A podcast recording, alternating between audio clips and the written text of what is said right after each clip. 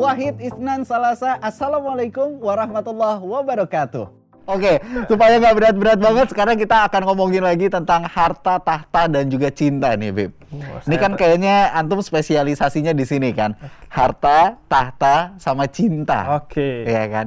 Kalau ada pertanyaan tentang harta nih, menurut Habib sendiri nih, harta seperti apa sih yang paling paling berharga untuk kita? Apakah harta yang paling berharga itu kayak lagu gitu kan? Harta yang paling berharga. Adalah keluarga. Wow, suaranya biasa. Untung loh. Saya diuji biasa, biasanya jelek. Ujian itu.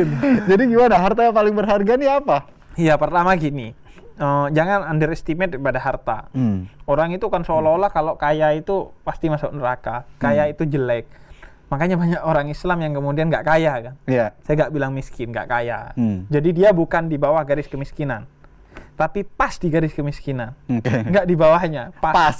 Pas di garis kemiskinan. Ngapung gitu lah ya. Jadi kaya jangan underestimate karena banyak orang yang karena underestimate Oke. dikiranya orang Islam nggak boleh kaya. Sayyidah Khadijah istrinya Nabi orang kaya, Orang Abdurrahman bin Auf sahabatnya Nabi orang kaya, Hmm. Nabi Sulaiman Hmm. orang kaya. Yang penting ketika kaya nggak sombong, Iya. tapi bersedekah. Justru orang kaya itu kan punya jalan untuk sedekah. Iya. Orang miskin nggak punya uh, peluang untuk beramal melalui sedekah, Hmm. atau orang miskin mungkin nggak punya peluang untuk beramal melalui haji. Hmm. Orang kaya karena mampu berangkat haji, dia bisa haji, umroh dan lain sebagainya. Banyak ibadah yang harus kaya gitu. Hmm. Jadi kaya itu juga penting, Hmm. baik. Nah, eh, tapi eh, harta bukan segalanya. Hmm. Yang utama itu adalah kan pertama, kalau nikmat terbesar dan utama dalam Islam itu adalah iman dan Islam. Hmm. Kedekatan kita kepada Allah lah. Kemudian ada hal-hal lain di di luar itu kayak kebahagiaan diri kita, keluarga kita, silaturahmi dan lain sebagainya. Banyak hal-hal yang yang menimbulkan kebahagiaan kepada kita dan itu adalah harta yang indah bagi kita, yang besar bagi kita. Dan jangan sampai tapi harta yang sifatnya material diburu Hmm. menyebabkan kita mengabaikan harta yang kita miliki yang sifatnya imaterial. Hmm. Memburu duit sampai hubungan kita dengan keluarga renggang, Berantakan. berantakan, Hmm. apalagi sampai berpisah naudzubillah min dzalik. Iya. Jadi harus balance juga itu. Dan juga sebenarnya pada akhirnya yang penting kaya itu adalah hati dan pikirannya. Hmm. Karena eh, kalau hati dan pikirannya sudah kaya, itu enak sekali. Kadang ada orang hartanya kaya tapi hatinya miskin. Hmm. Dia kaya tapi eh, misalnya ya beli baju yang murah padahal Hmm. gak enak bagi dia. Jadi dia pelit bahkan ke dirinya sendiri. Hmm, oke. Karena hatinya miskin. Iya, Cuman iya. duitnya aja yang kaya. Hmm. Karena itu ya, kalau ada yang hatinya kaya duitnya enggak gitu. Akhirnya ya dia enak gitu bahagia hidupnya. Tapi kalau misalkan kitanya biasa aja gitu kan ya, hartanya biasa-biasa aja, tapi kita dapat barangnya gratisan dari endorse gitu, itu gimana? Nah itu itu Anda kayaknya kafah sebagai pemuda tersesat. Ikon pemuda tersesat gitu, bikinin patungnya ini pemuda tersesat Loh, simbol. Anda nanya sama orang yang pengalaman gitu kan? Dan juga memang di Indonesia ini kayaknya untuk bahagia gak perlu kaya. Yang penting, Karena gini, saya kemarin eh, di mall Hah, bayar parkir 20.000 ribu. hah, 20 atau 30 ribu loh di mall. Biasa aja gitu. Hmm. Dia terima kasih pak kata. Kemudian saya di eh, minimarket keluar parkir bayar 2000. hmm, Terima kasih bos. Kanan kanan bos, lanjut bos, dipanggil bos loh. hah, Jadi ya nggak perlu kaya untuk jadi bos di Indonesia ini. iya, Jadi sebenarnya di Indonesia ini 2000 rupiah Anda sudah jadi bos loh. benar. 30 ribu rupiah asalkan di, tapi kalau di mall nggak jadi Nggak jadi bos. Nah, makanya yang Iya, penting iya. pokoknya pinter-pinternya kita aja. Nah, sekarang kalau kita ngomongin masalah tahtanya, kan ada harta tahta wanita. Ras, Raisa. Kalau Ana Kirain. Pevita, Oh, iya. kalau ente Raisa. Jangan, ini istri saya nonton.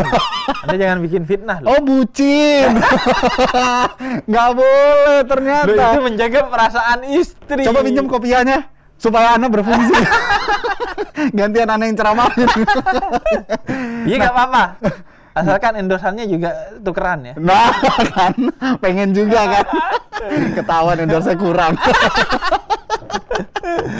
Bib, ngomongin masalah tahta. Tahta. Ta- kalau tahta ini bukannya dia itu ditentukan dari harta gitu kan. Biasanya dengan adanya tahta, harta kan mengikuti gitu kan. Enggak juga. bahwa eh, pertama itu gak ada hubungannya. Pertama Nabi Muhammad bukan seorang yang punya harta, Hmm. tapi dia punya tahta. Hmm. Harta dalam pengertian materi ya. Hmm. Nabi Muhammad gak punya, tapi dia punya tahta. Hmm. Ada orang yang punya tahta, dia justru meninggalkan harta. Contohnya Khalifah Umar bin Abdul Aziz.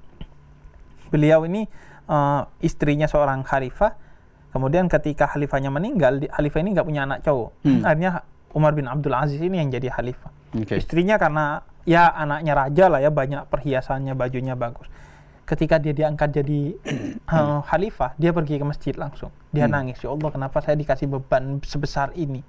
Orang sekarang kan kalau jadi dapat tahta malah diarak ke mana-mana, Iya. seneng dia, Ah. cengar cengir, udah kayak dapat apa? Nggak tahu dia dapat amanah besar. ha, ha. Nah, kemudian dia ke masjid, dia kemudian eh, menangis dan akhirnya dia, dia pulang ke rumah istrinya, jual, keluarin, Semuanya. sedekahkan semua hartanya, Hmm. pakaian kamu. Karena jangan sampai ada orang yang lebih miskin dari kita, dari rakyat kita. Kita harus menjadi orang paling miskin di antara semua rakyat kita. Ya Allah. Jadi nggak punya tahta, tapi justru harta ditinggalkan. Oke. Nah, orang sekarang punya tahta justru untuk cari harta, Harta. kan. Nah. Sudah punya harta masih gak cukup dengan sombong, pengen jadi eh, punya tahta gitu. Pengen Sampai ngambil dana pengen. bansos gitu ya. Dana bansos, dana ini. Ya Allah, keadaan begini loh. Iya. Keadaan begini loh, dahsyat. Memang itu makanya dulu eh, sebelum kita diciptakan, malaikat itu kan di Quran dikisahkan protes kepada Allah. Hmm. Ini manusia ini akan menghancurkan cuman kerjaannya merusak ini manusia ini pokoknya buruk sekali loh. Hmm. Yaitu akhirnya tapi Allah tetap ciptakan manusia karena Allah lebih tahu dan utamanya karena Nabi Muhammad kata Allah. Hmm. Karena ada loh manusia Nabi Muhammad yang akan menginspirasi banyak orang sehingga manusia itu gak nggak buruk seperti yang kamu bilang. Hmm. Tapi orang-orang yang di tengah pandemi dia korupsi itu kayaknya sesuai dengan yang diprotesin malaikat itu. uh, dahsyat. Penghancur ya. Penghancur, Penghancur betul. ya. Nah, ngomong jadi gak ada tuh tahta sama harta. Itu ya seharusnya nggak ada hubungannya. Berarti tahta diikutinya dengan cinta kalau gitu. Harta tah ya bukan berarti eh, diikutin dengan tahta juga boleh Nabi Sulaiman kaya punya Hmm. tahta juga punya Hmm. harta punya tahta yang penting positif diikutin juga dengan cinta Oke. nah b- orang yang kaya dan punya tahta belum tentu nggak punya cinta Hmm. tapi bisa juga harta dan tahta bikin cinta hilang Hmm. kan iya kalau dia sibuk dengan hartanya sibuk dengan tahtanya lupa untuk mencintai orang miskin lupa untuk mencintai rakyatnya lupa untuk mencintai bahkan keluarganya ya kehilangan cinta apalagi lupa untuk mencintai Allah gitu Oke. Definisi cinta dalam Islam tuh gimana menurut Habib? Nih, kan apalagi kalau misalkan kita lihat di sini nih eh, apalagi maksud dari apa apalagi Islam, apalagi Islam kalau, bukan, cinta. ini ini dagangan saya Ini apaan sih? Kaos ini Oh, ini kaos. ini kaos Endorse. Enggak ini produk saya Oh, ini oh, nanti saya kirimi anda endorse gratis bayar dong. Anda sama pendakwa bayar. Mau jadi apa dunia ini kalau pendakwa juga suruh bayar? Mending bubar sudah dunia ini. Oke. Ya, jadi Nah, jadi jadi maksudnya apa? Ini sambil dilegalisir coba sambil dilegalisir. Nah, oke. Gitu. Siap. Kita tanda tangan ya. Ah, tanda tangan. Jarang-jarang inti diminta tanda tangan, Beb. Nah, tanda tangannya saya dari kanan loh. Kurang islami apa? Sampai dibahas. Oke. Jadi apalagi Islam kalau bukan cinta, Hmm. bahwa semua aspek dalam Islam itu adalah cinta. Hmm.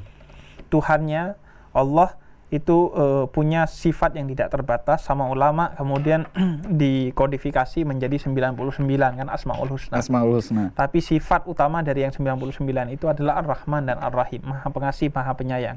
Akar katanya satu yaitu rahmat, Hmm. yaitu cinta. Maka Allah itu paling senang disebut sebagai yang Maha Cinta. Hmm. Makanya Bismillahirrahmanirrahim kita sebut dalam setiap saat itu sifat utama yang diambil adalah yang dua itu. Allah paling suka Maha Cinta. Hmm. Bahkan Allah katakan eh, dalam Al-Qur'an bahwa seluruh ketetapannya itu adalah dengan cinta. Kata Hmm. Allah dalam dalam Al-Qur'an. Apa eh, kata barobukum ala nafsihir rahmah kata Allah. Semua ketetapanku dengan cinta. Saking cintanya Allah kepada kita, walaupun jodoh di tangan Allah, yang nggak nyembah Allah tetap dikasih jodoh. Hmm. Kemudian saking cintanya Allah kepada kita yang nggak nyembah Allah tetap Allah kasih rezeki. Iya. Kemudian saking cintanya Allah kepada kita, Anda gak, gak di neraka terus gitu. Kalau udah bersih nanti dosanya dimasukin ke sorga. Hmm. Tapi yang sorga gak ada nih ceritanya terdegradasi ke neraka, gak ada. Emang main bola? Makanya gak ada terdegradasi itu, gak ada. Iya, iya, iya. Saking cintanya Allah kepada kita. Kemudian semua dosa kita walaupun sebanyak apa pun bisa Allah ampuni. Ampuni. Asal kita minta ampun dengan cinta itu kepada Allah. Jadi kalau kita mau bikin skala prioritasnya antara harta tahta dan cinta, pertama berarti cinta dong. Cinta. Karena Nabi Muhammadnya juga ngajarin cinta. Nah, Nabi itu bukan al-amin, Hmm. ta- bukan hanya al-amin, tapi ar-rahmah. Kita kan kenalnya sifatnya Nabi apa? Al-amin. Padahal sifat utama Nabi yang lain adalah ar-rahmah, yang Oke. penuh cinta. Hmm. Nabi penuh cinta bahkan bukan hanya kepada sesama muslim, kepada kepada non-muslim pun Nabi penuh cinta. Kisah cintanya yang dari Nabi yang bisa diangkat, kita pengen denger dong Beb, Hmm. ceritanya. Kisah cintanya Nabi misalnya ada seorang eh, pemuda yang job desk-nya itu eh, ngolok-ngolokin Nabi, ngehina Nabi. Job desk. Iya, job desk-nya. job desk-nya itu dari Abu Sufyan. Ini pemuda Yahudi dari Abu Sufyan. Job desk-nya itu adalah ngeludahin Nabi. Oke. Pokoknya ngehina Nabi. Hmm. Sampai satu hari dia sakit. Kata Nabi, ke mana yang orang job desk-nya itu ngeludahin saya? Hmm. Oh, dia sakit Nabi. Loh kok saya nggak tahu? Antar saya ke rumahnya. Hmm. Diantar sama sahabat ke rumahnya, bawa buah Nabi.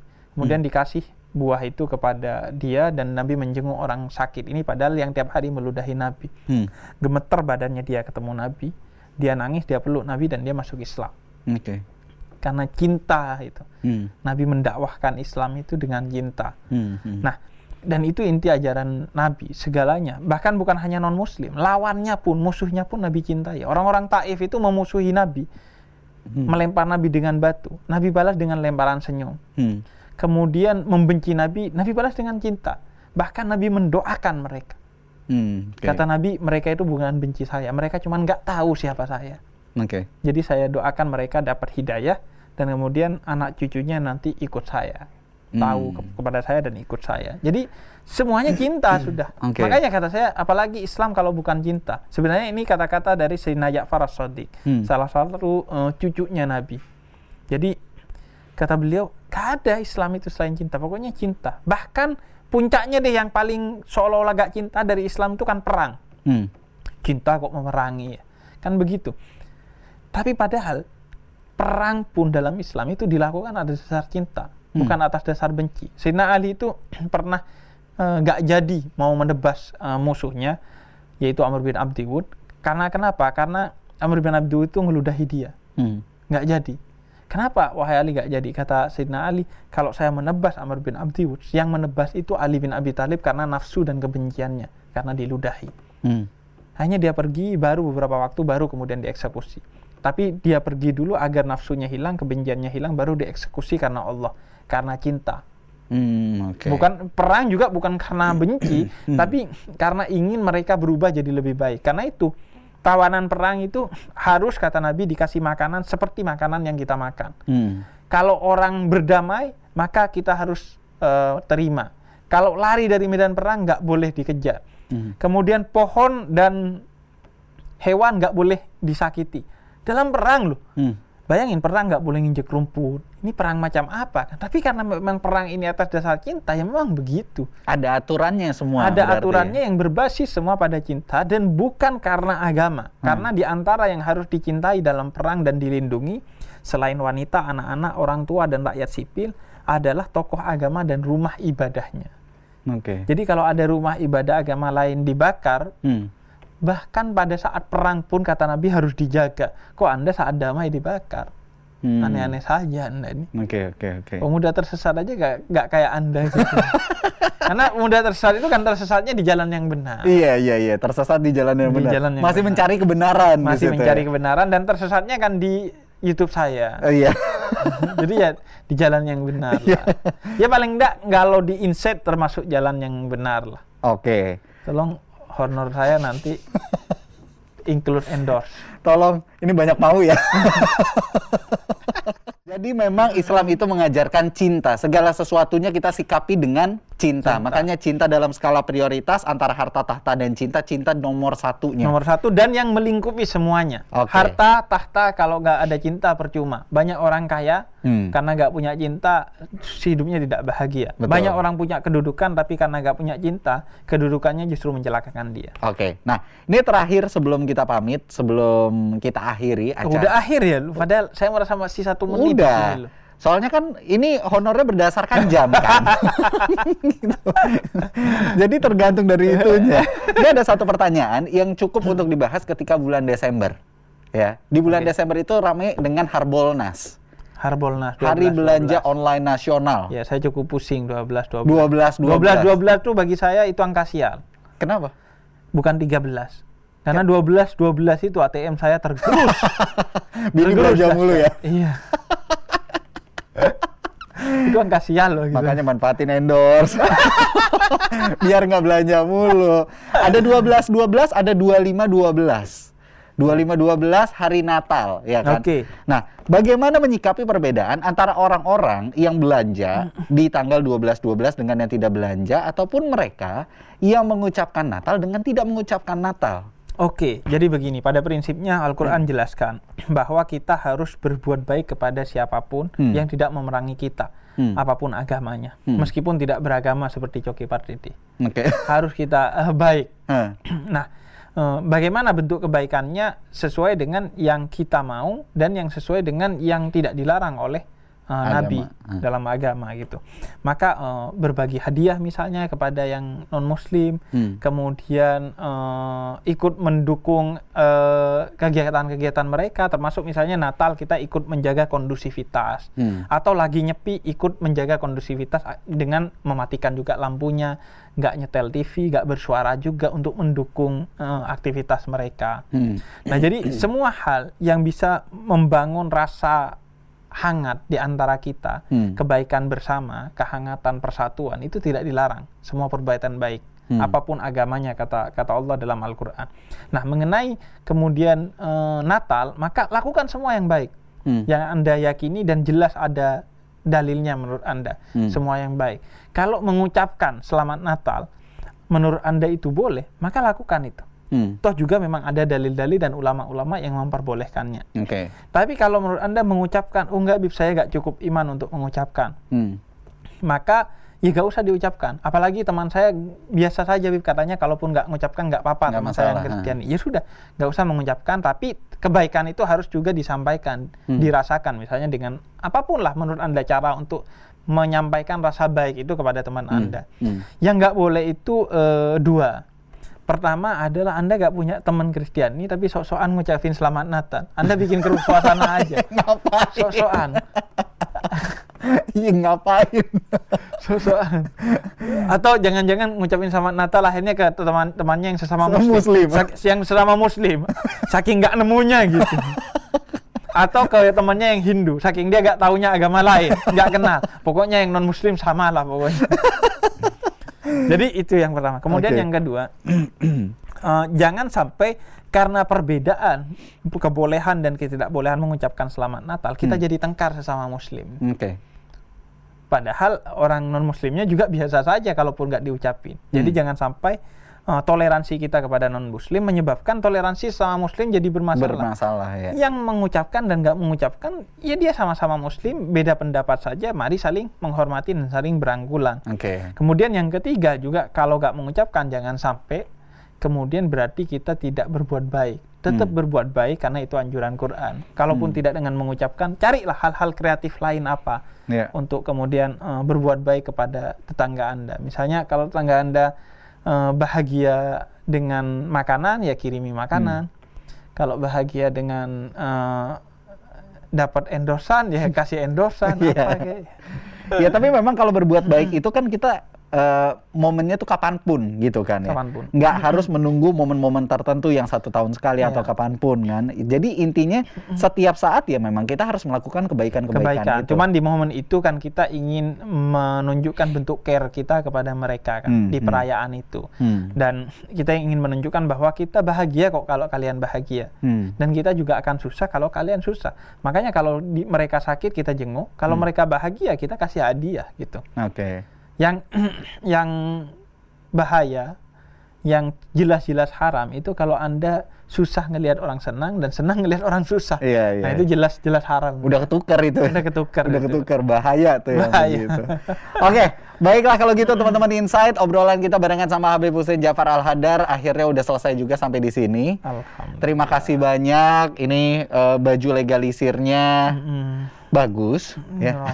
Anda kalau mau masuk surga pakai ini. Oh gitu ya. Mau Ya masuk- masa nggak pakai baju ke Oh iya surga? iya iya iya. Iya Iya kan? Iya, benar benar. Nggak pakai baju. ke Iya. Oke, semoga apa yang kita obrolin tadi bisa membawa manfaat dan ingat, apa pun perbedaan yang terjadi di sini dari obrolan kita di sini jangan pernah dibawa baper sama sekali. Buka mata, buka hati, buka pikiran, siap menerima perbedaan. Itu yang paling penting saat ini ya. Ingat kebaikan bisa dilakukan kapan pun, tidak harus menunggu momen-momen tertentu. Intinya selagi kita bisa berbuat baik, lakukanlah dan tebarkanlah kebaikan itu ya. Ambil yang baiknya dan kalau ada yang buruk-buruk ya udah simpen baik-baik aja jangan dibuka aibnya jauh di lubuk hati kita bisa tahu nilai-nilai dari kebaikan dan juga kebenaran akhirnya Habib Husin Jafar Al Hadar pamit Sahil Mulahela juga pamit. Sampai ketemu lagi di lain kesempatan. Talata Isnan Wahid wassalamualaikum warahmatullahi wabarakatuh. Waalaikumsalam warahmatullahi wabarakatuh.